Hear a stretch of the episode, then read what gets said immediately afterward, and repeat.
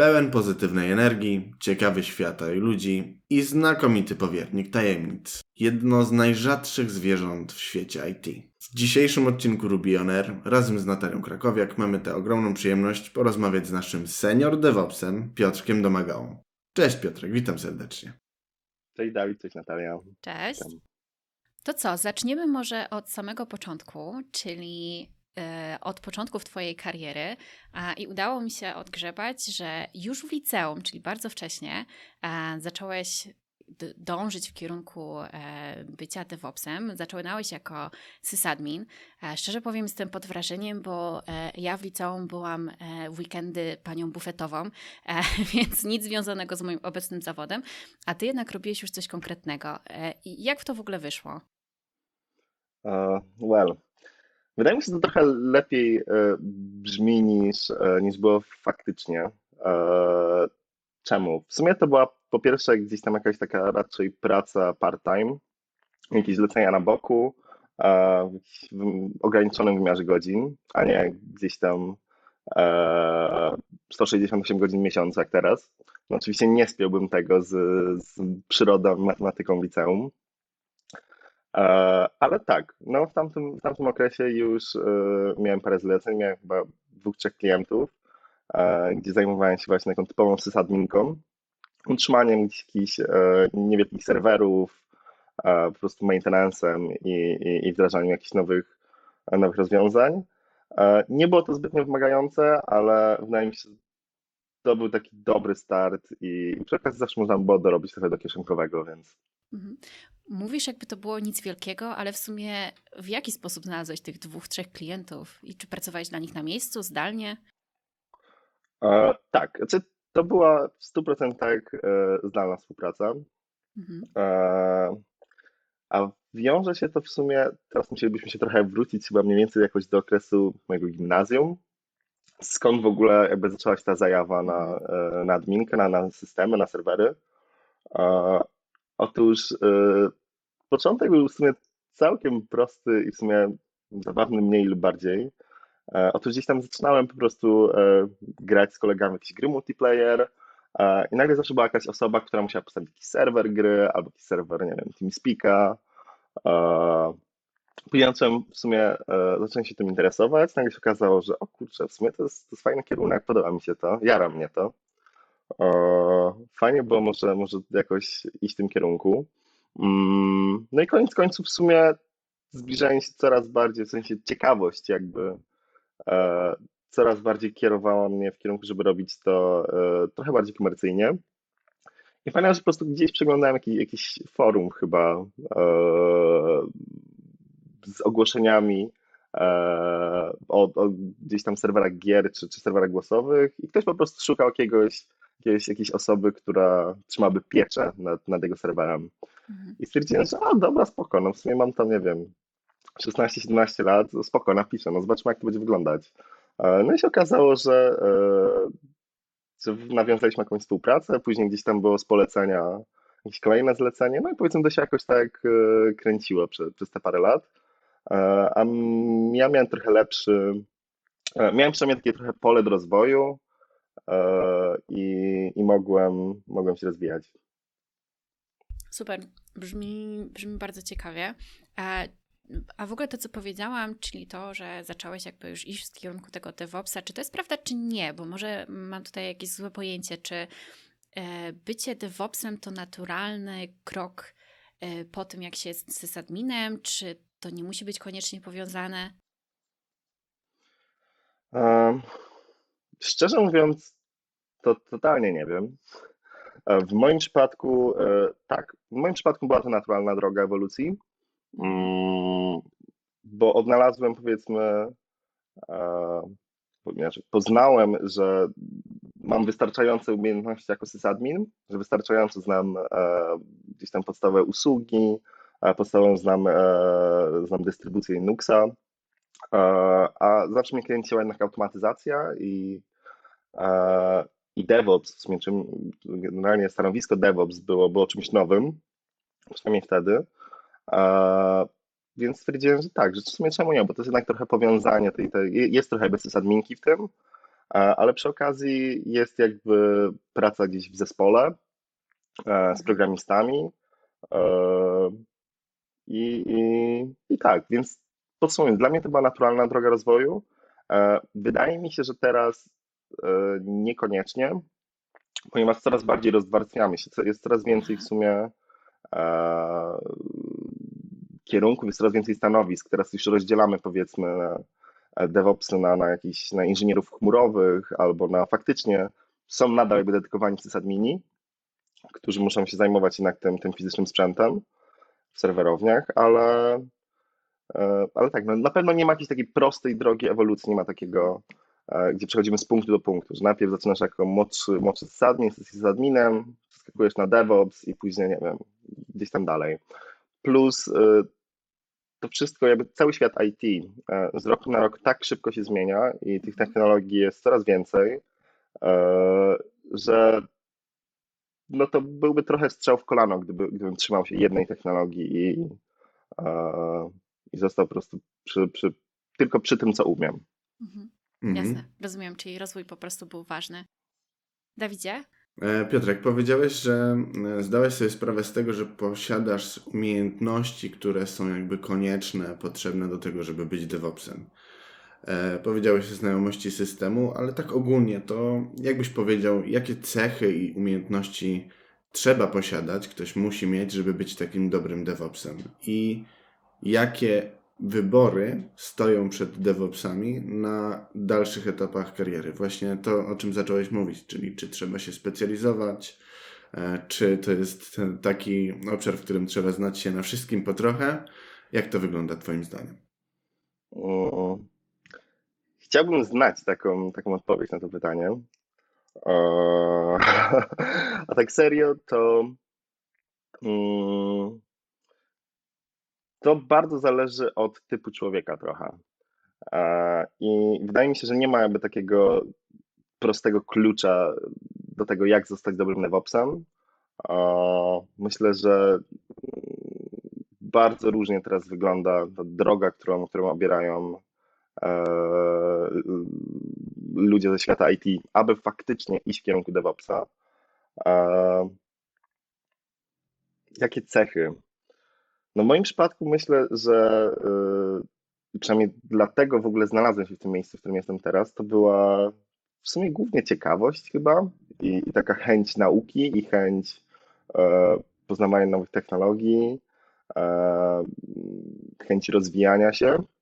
Jako, że faktycznie uznawałem, że to było trochę, trochę moje hobby jednak. E, I tyle, więc wydaje mi się, że naprawdę nie ma, nie ma jakby takich nie ma takiego wyznacznika, nie, nie, ma, nie ma klucza odpowiedzi. Jeśli ktoś faktycznie chce jakby zostać, e, zostać DevOpsem, no to po prostu musi przede wszystkim uzbroić się w cierpliwość i po prostu dążyć do tego, czytając książki, wiem, pracując po godzinach albo, albo po prostu uczając się w domu. Mhm, rozumiem. A czy jest jakiś taki poziom maksymalny, taki e, poziom senior DevOps Super Saiyanin, do którego można wyewoluować? Czy jest, jest jakiś taki, e, powiedzmy, top, e, który można w jakiś sposób scharakteryzować? I jeżeli jest, to jaki to jest poziom w, w przypadku DevOpsa? Mm, Hmm. Zaryzykowałbym stwierdzeniem, że jeśli ktoś faktycznie się, ktoś faktycznie twierdzi, że zna wszystko, zna wszystkie technologie, zna wszystkich, nie wiem, cloud providerów, e, wszystkie toole, których, których używamy e, i twierdzi, że już więcej on nie potrzebuje, to znaczy, że z tą osobą jest coś nie tak, e, bo naprawdę jak, jak poczytamy mniej więcej jak to wyglądało nie wiem, 10 lat temu, 5 lat temu, w tamtym roku, albo jak to będzie wyglądać nawet za 5 lat, to nie jesteśmy w stanie jakby no, osiąść na laurach i, i robić tylko to, co robimy. Wydaje że faktycznie no, trzeba non-stop e, czytać, co tam się dzieje, e, czytać, nie wiem, chociaż nawet głupie changelogi w przypadku e, tuli, który, których używamy, e, bo naprawdę to się zmienia z dnia na dzień i, i wydaje mi się, że tak, tak już pozostanie jednak, bo tak, tak wygląda w sumie teraz świat IT. Mhm. No tak, świat IT szybko się rozwija. Twoja kariera też e, dosyć szybko szła do przodu, bo po tym jak byłeś sysadminem, to dołączyłeś do dosyć sporej międzynarodowej firmy mm, jako właśnie junior DevOps, a następnie trafiłeś e, niedługo potem do, do Ragnarson.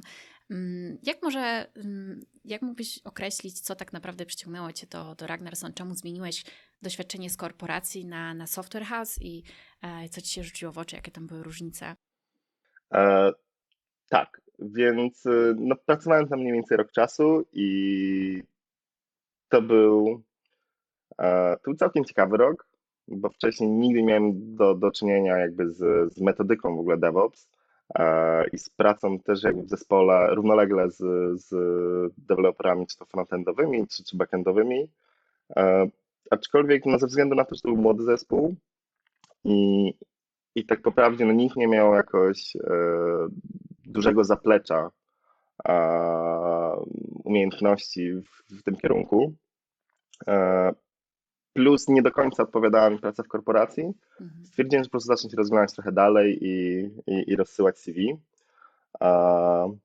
Tak. Co do Ragnarsona, jak, jak w ogóle się dowiedziałem o nim i, i, i jak tam trafiłem, z tym się wiąże w sumie e, bardzo dawna historia, e, związana z moim bardzo dobrym e, kolegą Michałem, który pracował e, w Ragnarsonie. E, otóż dawno, dawno tam, temu, wydaje mi się, że to były okre- e, gdzieś tam czasy liceum, e, gdzieś byliśmy na jakiejś imprezie, e, oczywiście na, na, jak to ludzie z IT, oczywiście gdzieś tam się wypatrzyli i po prostu zaczęli gdzieś gadać przy piwku. O, I Michał akurat zaczął opowiadać, że no, że on w sumie pracuje właśnie w takiej, takiej małej firmie w Łodzi, że oni są w 100% tak zdalni, że jest self-management, sami sobie ustalają stawki, e, mm, że kodują właśnie w Ruby i w sumie są w 100% oparci jakby o Ruby, Mhm. e, że on strasznie lubi Ruby, że to akurat napisał jakąś inżynierkę. E, I ja pamiętam, powiedziałem coś, co wypominamy sobie z Michałem chyba do dzisiaj, jak już byłem trochę może wypity, e, to uznałem, że przecież no, mało w sumie co słyszałem wcześniej o Ruby i, wyda- i Ruby wydawał mi się raczej takim trochę hipsterskim językiem Mhm. i że raczej nikt nie, nie, nie korzysta z tego produkcyjnie. E, Co było oczywiście głupotą i, i naprawdę do dzisiaj się z tego śmiejemy i, e, i, i, on, i on mi to wypomina. E, aczkolwiek minęło później e, parę miesięcy, wydaje mi się nawet parę lat, kiedy już byłem jakby w tym okresie, kiedy chciałem zrezygnować z Accenture i, Mhm. i, i szukać czegoś nowego. I któregoś pięknego wieczoru zadzwonił do mnie Michał, że hej, słuchaj, e, czy przypadkiem nie szukasz nowej pracy? E, ja mówię, że no bingo, no w sumie dobrze się wstrzeliłeś, masz idealny timing, bo dosłownie teraz przeglądam ogłoszenia i wysyłam CV i gdzieś tam przygotowuję się do jakichś rozmów kwalifikacyjnych. Ja mówię, co masz do zaoferowania? Ja mówię, okej, dobra, to słuchaj, dawaj idziemy na spacer, na ploteczki i to ci opowiem. E, no i w sumie opowiedział mi trochę co i jak, w sumie powtórzył jakby to, co było wcześniej, plus, plus powiedzmy rozszerzył to. No i od tamtego czasu minęły 4 lata. I przez te 4 lata e, pracowałem jakby tutaj. Więc ewidentnie kupił mnie po prostu. ten. Mhm.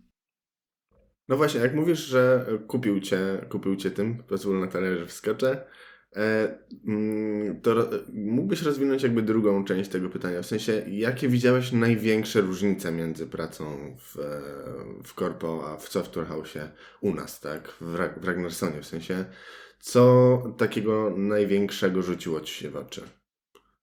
Mm.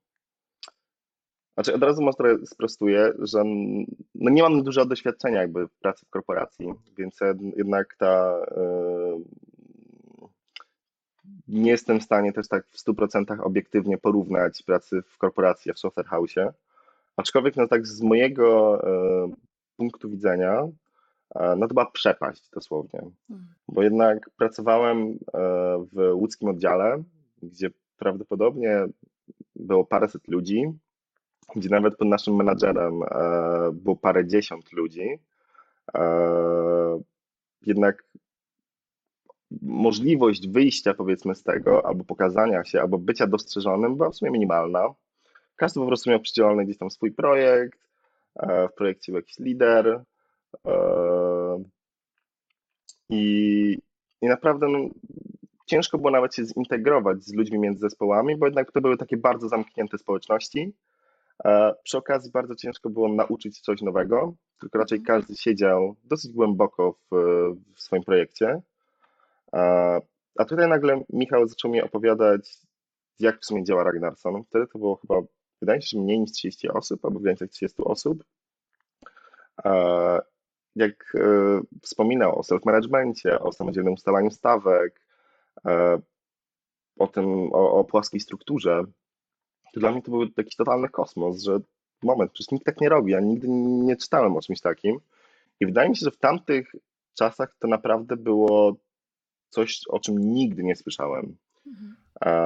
Do tego e, pamiętam, doszła jakby informacja, że, e, mm, że jest tam doświadczona osoba na stanowisku DevOps, e, że są ciekawe projekty i jednak trochę bardziej wymagające niż to, co, co, co robiłem, przynajmniej tak jeszcze nie wiedząc, nie znając tych, e, tych projektów. No to stwierdziłem, że tak, no, że to jest, to jest idealny dla, moment dla mnie. No. I tak szukam nowej pracy, e, a jeśli mam trafić w to samo miejsce, co wcześniej, tylko trochę inne, różniące się, nie wiem, projektem, zespołem, może trochę inną technologią, no to i tak jakby nadal utknę w, w dużej korporacji, będąc jedną małą jednostką.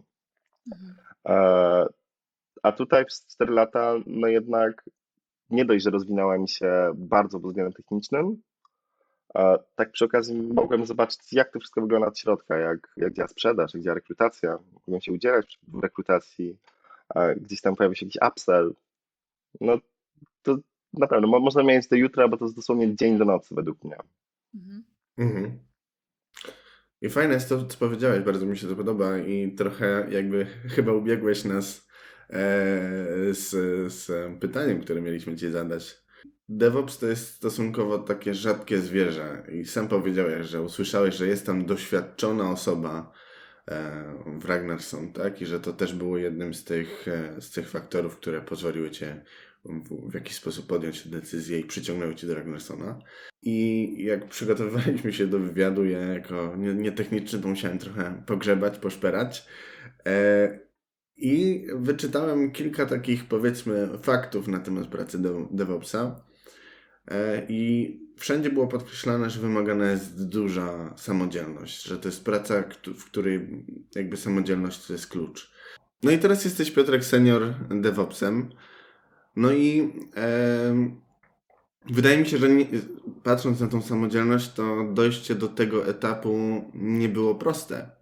I chciałem właśnie tutaj zapytać bezpośrednio o to, jaką rolę w tym Twoim rozwoju odgrywa bezpośrednio posiadanie takiego doświadczonego mentora i chodzi mi tutaj o współpracę ze Staszkiem. Mhm. Bardzo dobre pytanie. E, więc tak, faktycznie zgadzam się, że jednak, e, no po pierwsze, tych DevOpsów jest mniej i jednak stosunek backend deweloperów czy frontend deweloperów do DevOpsów, no jednak no jest znaczny i, e, i gdzieś tam nawet powiedzmy siedmiu, nie wiem, tak strzelam, na siedmiu programistów trafia, trafia jeden DevOps. Po prostu nie potrzeba faktycznie więcej, więcej osób do, e, do tego. A jaka rola była Staszka? Wydaje mi się, że e, generalnie bycie e, mentorem, jeśli chodzi o, o tematy infry, czy, czy, czy chmurowe, czy, czy DevOpsowe, to jest bardzo trudne zadanie, bo jednak musisz nauczyć e, osobę nie tyle mm, jakby konkretnych rozwiązań, nie tyle nie wiem, składni, jakich, jakichś języków skryptowych, czy nie wiem, czy jakichś konkretnych technologii, tylko musisz chyba trochę go nauczyć e, szukania tej wiedzy samemu, e, rozwiązywania problemu i odpowiedniego sposobu myślenia. I mm, tak jak wydaje mi się, że gdybym cofnął się o te 3-4 lata, e, to no na pewno start nie był łatwy. I myślę, że Staszek powie dokładnie to samo. A to raczej była taka sinusoida, jeśli chodzi, jeśli chodzi o, o moją pracę. Bywało lepiej, bywało gorzej, ale głównie wynikało to z tego, że Mm, Staszek chyba od samego początku założył, żeby nie, nie rzucać mi gotowych rozwiązań i nie, nie, nie pisać ticketów i okej, masz to zakoduj, do widzenia i tyle, zamykaj laptopa i, i, i jedziemy dalej. E, Staszek raczej zawsze podrzucał mi takie słowa kluczowe albo starał się mnie ukierunkować, jak powiedzmy coś powinno być zrobione, mniej więcej, e, po czym podstał parę linków i, i mówi, dobra, teraz sam, sam posiedź na tym, sam na, pokombinuj trochę. I przez to może mój, nie wiem, moja, moja nauka albo e, moje gdzieś tam nabywanie umiejętności trwało trochę dłużej niż, niż normalnie. E, twierdzę, że e, udało mi się jakby wbić mi do, do, do głowy pewne mm, pewne sposoby myślenia i pewne po prostu rozwiązywanie pro, kłopotów. E, Dzięki czemu no, jestem w stanie teraz wejść w, w nowy projekt, e, gdzie jakby nie znam, nie znam totalnie kontekstu, gdzie e, no nie mam jakby, nie jestem w stanie mieć, mieć mentora, tylko teraz ja jestem swoim mentorem, e, albo jestem mentorem gdzieś tam innych. No i muszę jednak usiąść do jakiegoś problemu i zatrzymać się, rozpisać wszystkie możliwe drogi, jakie możemy, możemy obrać, wszystkie możliwe rozwiązania, wszystkie, e, wszystkie opcje e, i wybrać tą najlepszą, zaproponować ją klientowi, wytłumaczyć, czemu akurat ta droga jest najciekawsza albo Mhm. najlepsza z jego punktu biznesowego e, i po prostu ją wdrożyć. Więc no, tutaj w przypadku jakby infrastruktury i, i DevOpsów tutaj nie ma, e, nie ma jakichś takich patternów często, bo każdy klient jest różny, każdy projekt jest różny e, i, i trzeba faktycznie nauczyć się jakby tego, tego myślenia. Mm, a dopiero obok gdzieś tam jest ten rozwój techniczny, taki typowo techniczny, czyli po prostu poznawanie konkretnie już całej technologii od początku do końca. Mhm. I podsumowując, tak, Staszek, Staszek mnie to nauczył, jestem mu ogromnie wdzięczny i, e, i tak, no, dzięki temu jestem w tym miejscu, w którym jestem. Mhm. Brzmi jakby to podejście e, może stanowiło pewne wyzwanie na początku drogi, na początku rozwoju kariery, mm, ale z kolei mam wrażenie, że już pewnym, na pewnym poziomie, mm, powiedzmy MIDA, MIDA Plus, e, to tak naprawdę je- jest wtedy bardziej korzystny, no bo jest ta samodzielność, jest ta mm, odpowiedzialność, jest ta możliwość sugerowania własnych rozwiązań. Nie wiem, czy ty też tak to widzisz? Tak, w pełni się zgadzam. E, Plus no jednak musimy pamiętać to, o czym rozmawialiśmy dosłownie chwilę temu, że jednak tych DevOpsów jest mniej i bardzo często no, to jest praca jednak, no bycie takim one-man army trochę. E, I no nie jesteś w stanie czasem mieć po prostu kogoś bardziej doświadczonego przy sobie 24 na 7. I, I są decyzje, które musisz podjąć samemu, są decyzje, które e, gdzieś tam są czasem nieodwracalne, albo bardzo trudno, bardzo ciężko odwracalne. E, I jednak na pewnym etapie no, no jesteś trochę, no trzeba się wykazać trochę jakby pracą samemu i, i tą odpowiedzialnością podejmowania decyzji. Rozumiem.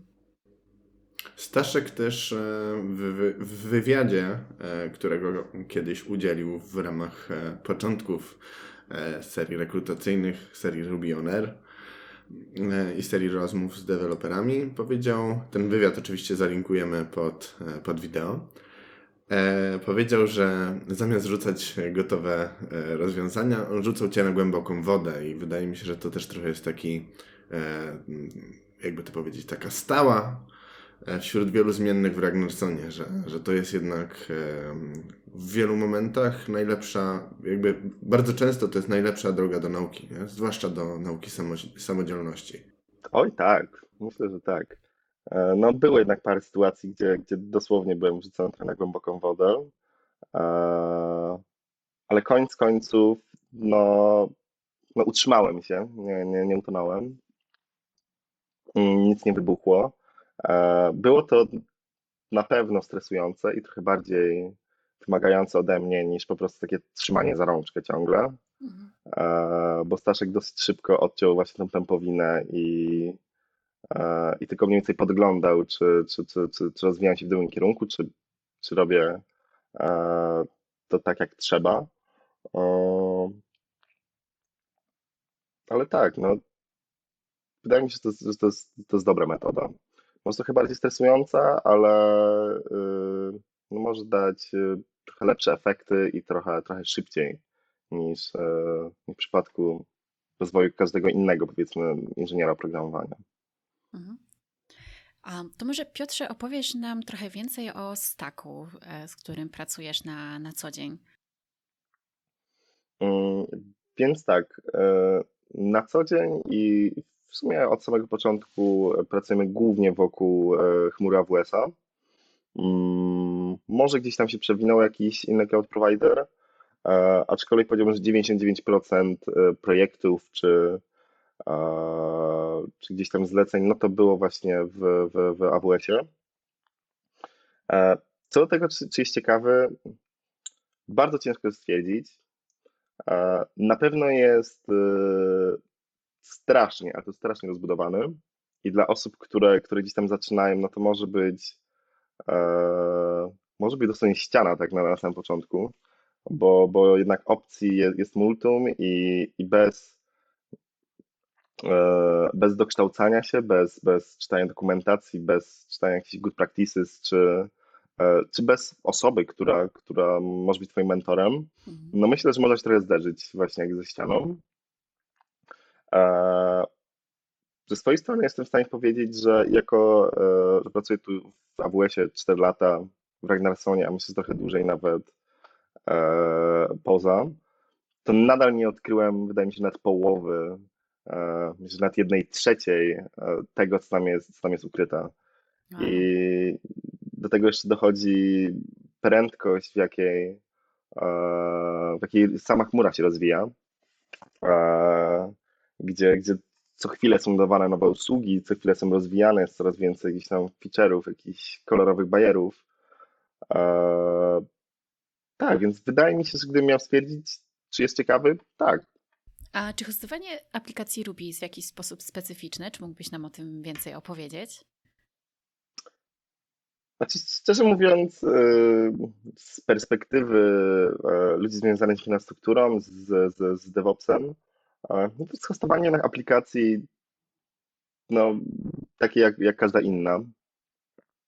E, Zwłaszcza w erze gdzieś tam kontenerów i, e, szeroko pojętej właśnie e, konteneryzacji. Myślę, że przez te wszystkie lata, i jako że to, że jesteśmy firmą, która e, specjalizuje się jednak w Ruby, no to mam trochę więcej tego inside'u i jestem w stanie, a nie dość, że sam coś zakodować w Ruby, to przy okazji pomóc trochę deweloperom, czy to u klienta, czy, czy, czy, czy u nas, e, pokazać jak, jak, trochę jak to działa, e, przynajmniej z punktu widzenia infrastruktury, e, żeby powiedzmy dopasować technologię i stack idealnie jakby pod siebie. Mhm. Ale tak jak wspomniałem na początku, no to jest aplikacja każda inna, to jest, to jest framework taki, taki, taki sam jak każdy inny.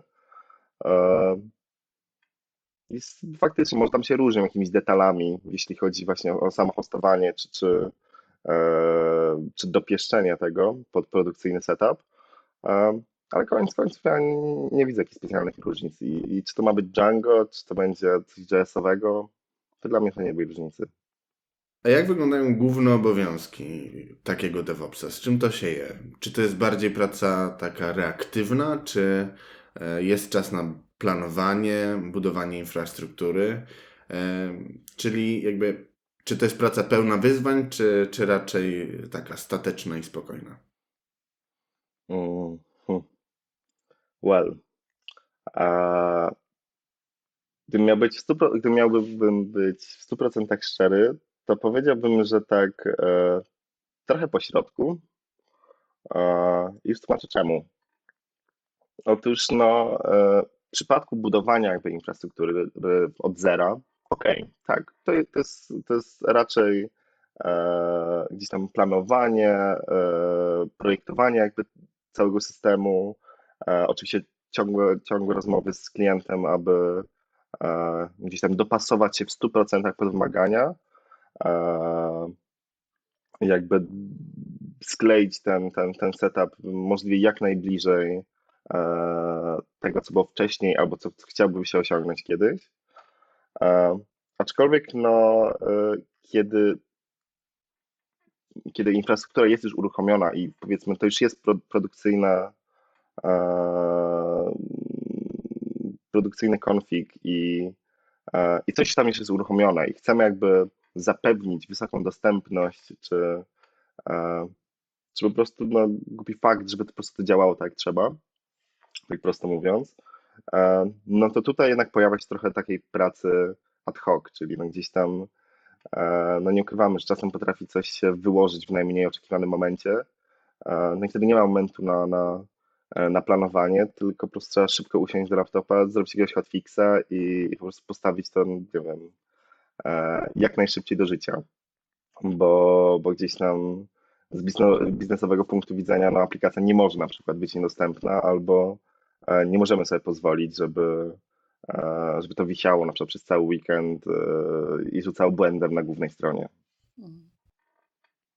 Czyli mam wrażenie, że można powiedzieć, że praca DevOpsa to bycie takim bohaterem stojącym w cieniu, bo nikt nie, nie zastanawia się nad tym, dlaczego coś działa, tak? Liczy na to, że infrastruktura, którą stawiasz, będzie działała i spełniała swoje wszystkie e, zadania, a dopiero jak coś się zepsuje, to wszyscy lecą do DevOpsa e, i dzwonią na alarm po pomoc. E, jak ty to widzisz?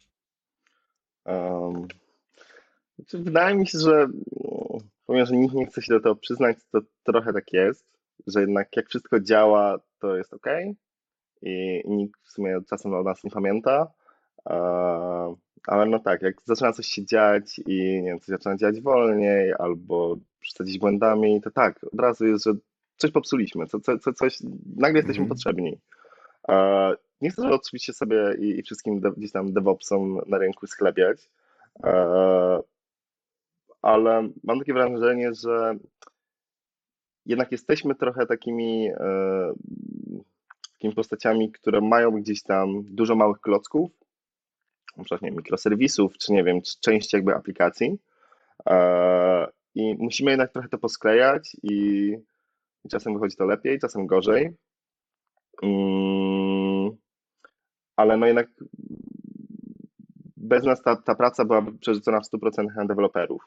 A, a w przypadku gdzieś tam wysoko skalowalnych tych, e, projektów, e, czy jednak setupów, gdzie, gdzie nie ma tego zarządzania po stronie jakiegoś cloud providera, no to, to tak, to my musimy się tym zająć, my musimy jednak e, dowieść to i to naprawić, albo po prostu e, zbudować jakiś nowy feature.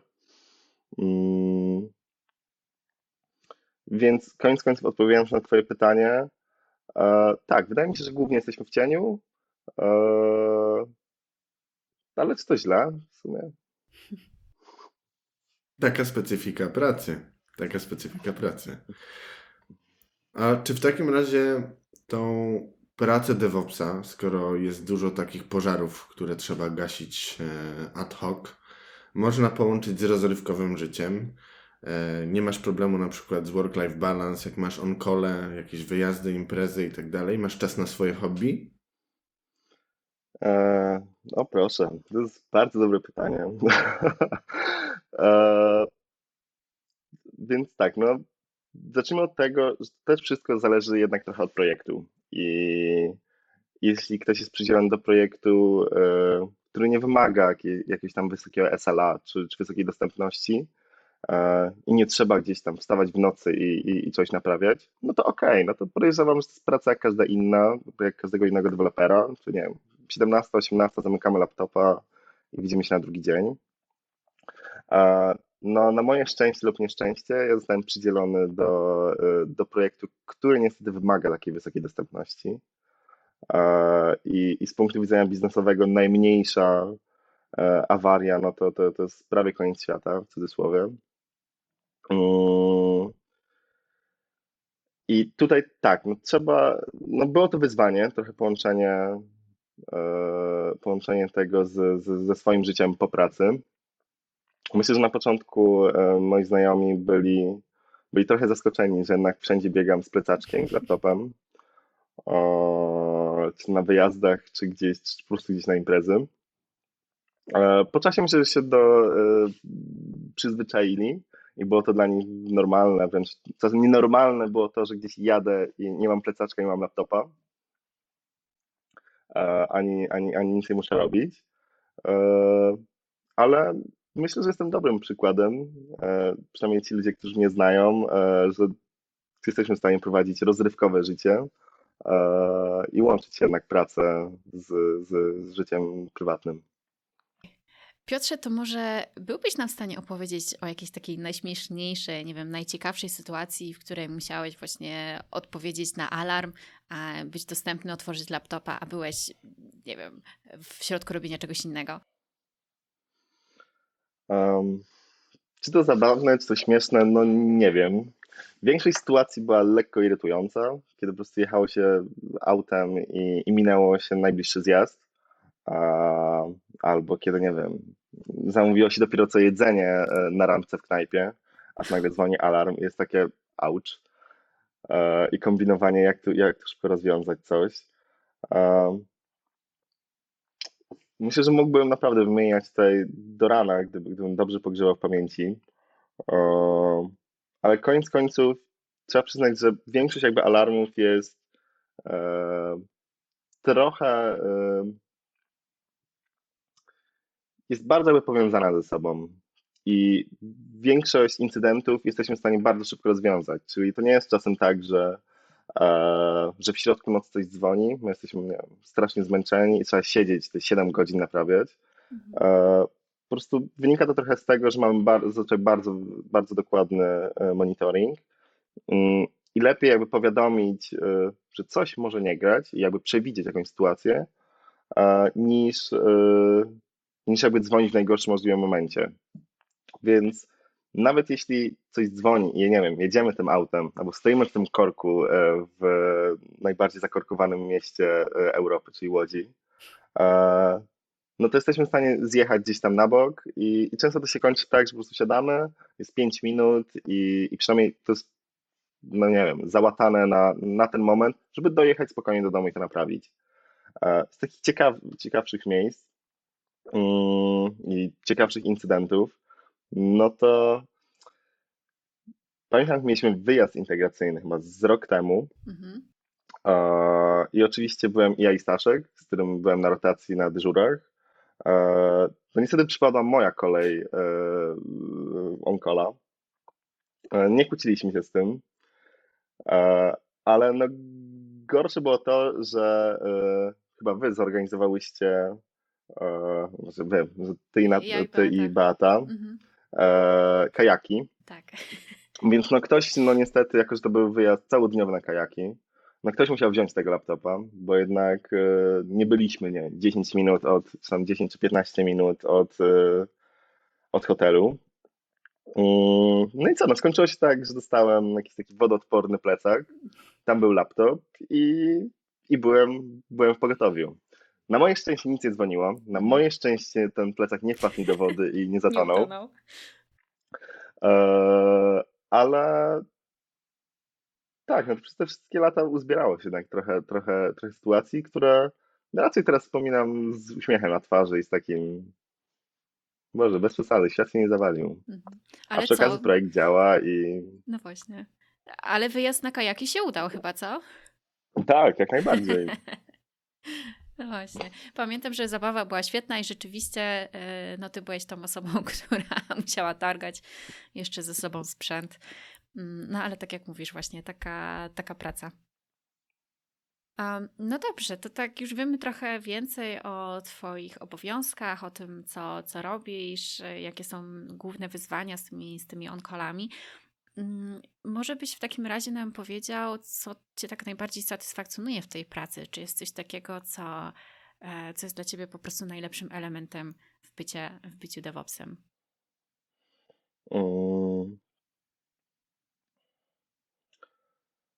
Bardzo dobre pyta- pytanie. Mm, Ale wydaje mi się, że to trochę jakby mm, jest połączone z tym, że ja strasznie lubię to robić. Ja strasznie lubię m, tematykę DevOps, tematykę jakby, e, no, w cudzysłowie, tak. E, I mnie to zawsze, zawsze ciekawiło. Ja strasznie lubiłem się rozwijać w tym kierunku.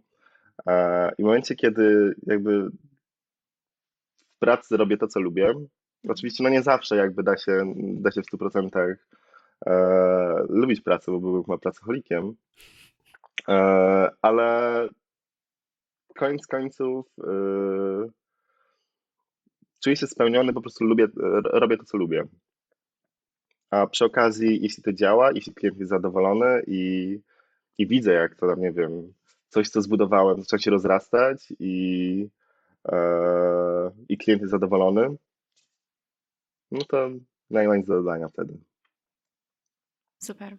No, brzmi jak, e, jak rzecz, którą warto robić, nawet pomimo tych, powiedzmy, drobnych e, niedogodności. No i będąc przy tym, że kochasz swoją pracę, e, pracujesz e, już w samym Ragnarsonie e, prawie 4 lata, e, to mam takie jeszcze pytanie, może trochę do tego, co cię tutaj trzyma tyle czasu? Jakby co dla ciebie jest najważniejsze, e, co jest takim elementem, które przyciąga cię cały czas do firmy? Kultura, Mm. ludzie. Myślę, że rozdzieliłbym trochę to na dwie części. E, Pierwsza to ta strona techniczna, Mm, jesteśmy bardzo mocno technicznie, e, mamy świetnych specjalistów e, i z perspektywy nawet DevOpsa jestem w stanie dużo jakby wyciągnąć od nawet backend deweloperów, żeby poznać ich sposób myślenia, czy nawet to, jak współpracujemy, to myślę, że jesteśmy w stanie trochę wymieniać tą wiedzą. Ja jako DevOps jestem w stanie lepiej trochę poznać ich sposób myślenia, czy, czy to po prostu jak aplikacje działają, a oni są w stanie by trochę się poduczyć, jak to wygląda ze strony infrastruktury, jak można lepiej zaprojektować to, żeby koniec końców jakby ogólny produkt był, był taki, jaki, e, jakiego klient tego oczekuje. Mm, A druga sprawa to kultura i ludzie. Jako, że jesteśmy sobie małą firmą i pomimo tego, że jesteśmy rozsiani gdzieś tam po kraju i po świecie, to mam wrażenie, że bardzo się z sobą zżyliśmy i mam bardzo dużo bliskich znajomych gdzieś tam z firmy i jednak dużo, du, dużo rozmawiamy i niekoniecznie jakby o pracy. Mhm. I trochę się do tego przywiązałem po prostu, że jednak to nie jest miejsce, gdzie y, właśnie zamykam laptopa i zapominam, kim są ci ludzie, albo nie pamiętam, jak się to nazywa. E, tylko trochę czuję się, jakbyśmy byli po prostu wszyscy, nie wiem, gdzieś tam paczką znajomych i, i przy okazji po prostu pracowali. Trochę, trochę tak wygląda z mojego punktu widzenia. Ale myślę, że też nie kryliśmy się z tym nigdy i, i nawet jakiś content, który publikujemy, czy na Facebooku, czy na Instagramie, czy e, trochę jakby to ukazuje, że no nie jesteśmy też jakąś taką randomową firmą, która e, jest spleciona z losowych osób, e, tylko no mamy jednak ludzi, którzy pracują trochę dłużej niż, niż, e, niż przewiduje to powiedzmy branża. Więc myślę, że oni też by podzielili moje, moje zdanie. Że jest świetne miejsce do rozwoju, jeśli chodzi o rozwój techniczny, bo mamy świetnych specjalistów i mnogość projektów.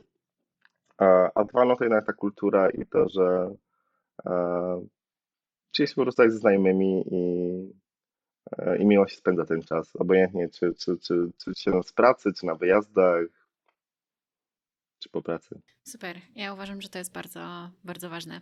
No dobra, to może tak na zakończenie powiesz nam em, jakąś, jakieś rady dla osób, które może chciałyby do nas dołączyć, czy a, miałbyś e, jakąś a, kilka słów tutaj mądrości dla osób, które może są już bardziej zaawansowane i są w tej chwili a, na etapie wyboru jakiejś specjalizacji albo właśnie następnego kroku w swojej karierze. Co mogę, co mogę polecić młodym osobom? Mm. Myślę, że mogę polecić generalnie Ragnarsson jako, jako dobre miejsce pracy e, i żeby faktycznie gdzieś tam po prostu nie wstydzić się, tylko zmontować to CV i je wysłać. E, bo, bo to jest naprawdę bardzo dobre miejsce do rozwoju.